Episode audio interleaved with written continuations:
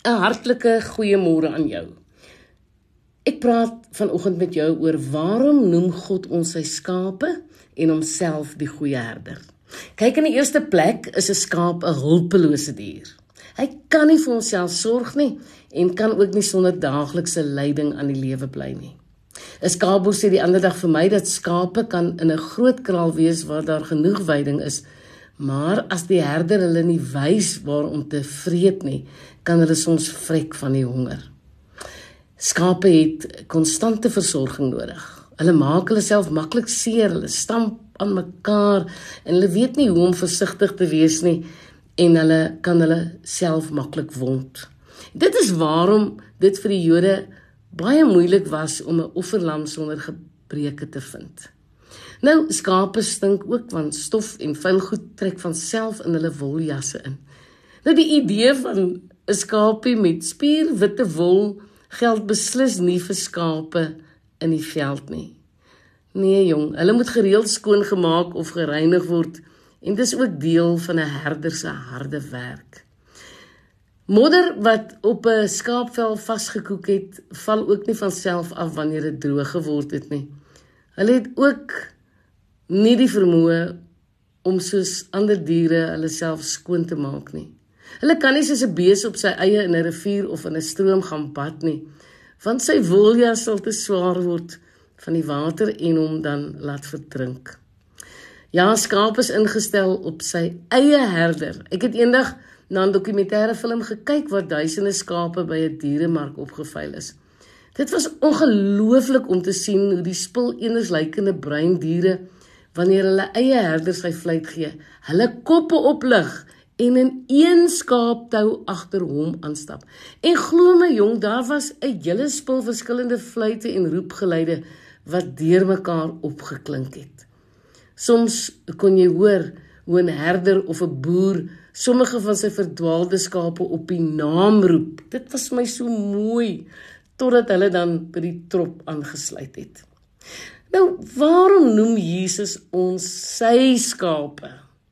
Weet julle hoekom? want ons is eintlik hulpeloos. Ons is onrein. Ons is gewond en stikkend. Ons is uitgelewer aan die versorging en die leiding van ons Vader, sonder wie ons nie by die veiding kan uitkom nie. Man doen jouself 'n guns en gaan lees Johannes 10.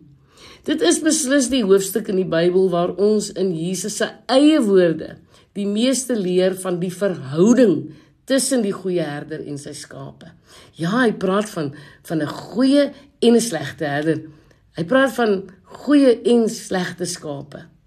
Hier is 'n een eenvoudige en 'n direkte preek wat ons leer hoe om sy naam te hoor. Dit is so belangrik.